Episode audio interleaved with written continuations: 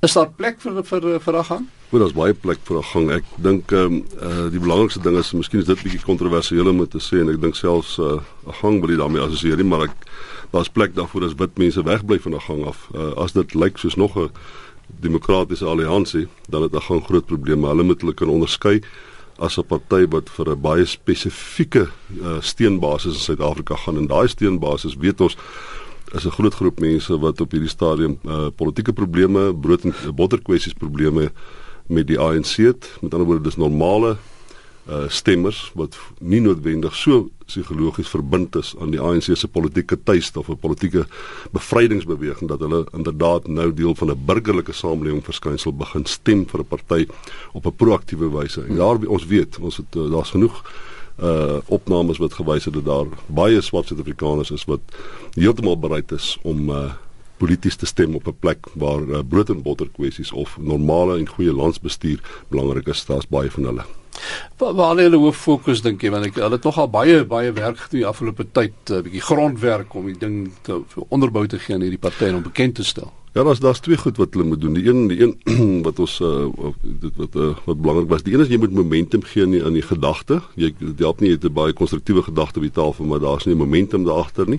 En die tweede ding is jy moet 'n argitektuur of 'n organisasie en struktuur kan skep wat daardie gedagte dan ook kan dra uh, want 'n politieke party het 'n organisasie en struktuur ja sonder kan 'n uh, party nie werklik in 'n na verkiesing toe gaan nie.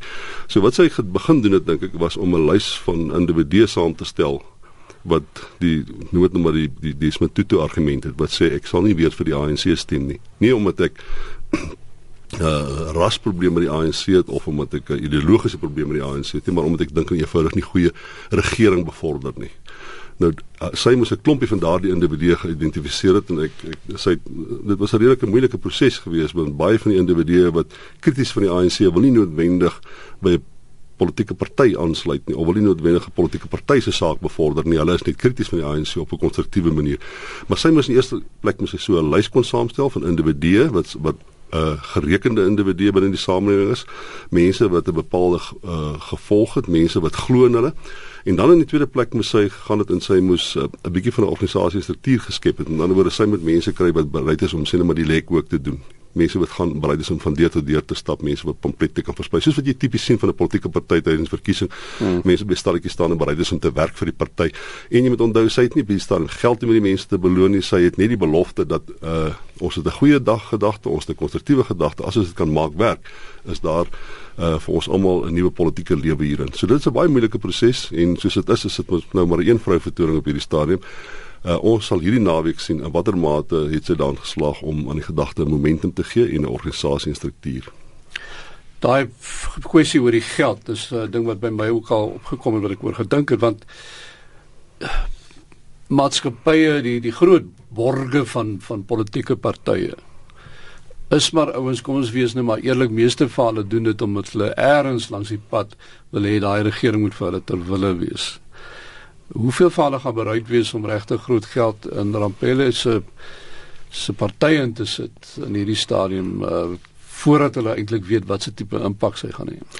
Kyk ek ek ek koop daai gedagte, maar dit is ook so dat daar 'n redelike klompie sakemanne en sakevroue en organisasies en besigheidsorganisasies in Suid-Afrika is wat tans voel dat uh die die vaagheid in die beleidsformulering, die swak politieke bestuur, die swak ekonomiese bestuur wat van plek tot plek in provinsies byvoorbeeld voorkom, is in so mate tot ons nadeel dat dit sin maak om op 'n manier by die politiek betrokke te raak wat minstens lyk asof dit uiteindelik vir ons 'n meer gevestigde struktuur gegee, 'n beter voorspelbaar, meer voorspelbare ekonomiese program gaan gee. Hmm.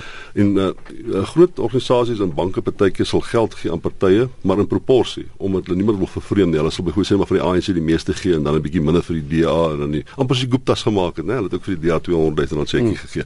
Hulle gee vir al die politieke partye. So jy gaan miskien bietjie daaruit kry en dan is daar natuurlik 'n klompie organisasies wat nie sal wil hê dat die ANC moet hoor kom daarvan dat hulle geld beskikbaar gemaak het of enige vorm van indirekte steun gegee het aan so 'n party nie.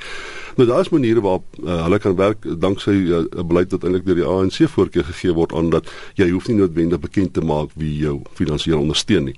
So daar daar is verskeie indirekte en direkte maniere om befondsing te kry, maar dit is so dat as jy 'n politieke party gaan ondersteun wat nog nie in die parlement is of in geen wetgewer sit nie, dan maak jy eintlik redelik jou politieke intensies baie baie duidelik en ek dink dit is een van die probleme wat aan gang het. Hoe kry jy geld uit uh finansiële instellings of uit uh gemeenskappe uh wat uh versigtig is dat hulle politieke uh program betwyfel word of onder verdenking gestel word of dat dit hulle benadeel in terme van hulle verhouding met die staat, die regering of die ANC indien hulle geld na gang beskikbaar. Dis 'n bietjie van 'n balanseer toertjie wat jy moet uitvoer, maar dis nie onmoontlik nie. Ons politiek is onbestendig genoeg dat daar baie ruimte is vir uh om om om om politieke kapitaal te maak uit so iets. Maar nou die verkiesing is volgende jaar. So dit gee vir hierdie ouens 'n baie kort aanloop tot tot die verkiesing. Ehm um, Ander ouens het dit al gedoen, ons ek weet dit, maar jy weet Cope het byvoorbeeld destyds uh, redelike verbeeldinge aangegryp as gevolg van die drama wat wat wat veroorsaak is deur hulle wegbreek van die ANC en alles wat daarmee gepaard gegaan het en en dit het nogal vir hulle aanvanklik dink ek redelike steen verwerf wat hulle nie kon volhou nie.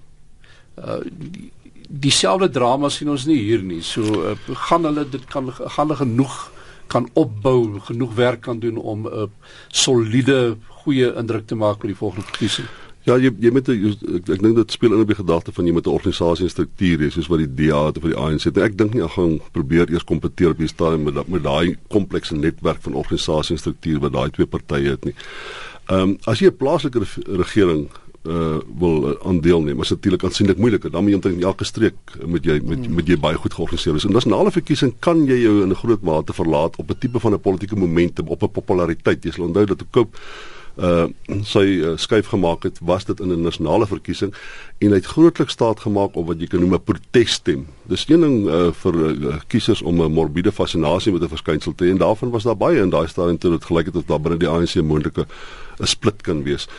Dis 'n totaal ander ding vir mense om te sê maar ek is bereid om vir daardie party of daai wegbreek wegbreek faksie te gaan stem. Nou wat ons nou het is ons gaan kan hom nie noodwendig verlaat net op 'n protesstem nie. Daar gaan 'n bietjie van die protesstem wees soos wat Cope op staat gemaak het. Maar hulle gedagte is dat daar is 'n klomp Suid-Afrikaners wat op 'n konstruktiewe wyse 'n keuse wil uitoefen om dit of deel is van 'n normale liberaal-demokratiese stelsel of 'n burgerlike samelewingsstelsel met alhoewel is bevry genoeg dat hulle kan sit en sê ons maak 'n politieke keuse in terme van hoe ons bestuur wil word. En dit is dit is die fokusarea waar uh, waar waar 'n gang wil in beweeg. Met ander woorde die die, die rede hoekom Cope natuurlik uitmekaar geval het eenvoudig te, doen gehad met swak bestuur. Nou ek hmm. dink Agang is baie baie bewus daarvan. As jy die walking wounded van 'n ANC of van 'n ander party vat, is jy vat jy ook die interpersoonlike stryd wat daarmee saamgekom het wat aanvanklik teenwoordig was voor hulle weggebreek het. Daai stryd bring jy saam, daai bagasie bring jy saam met jou na die nuwe party toe.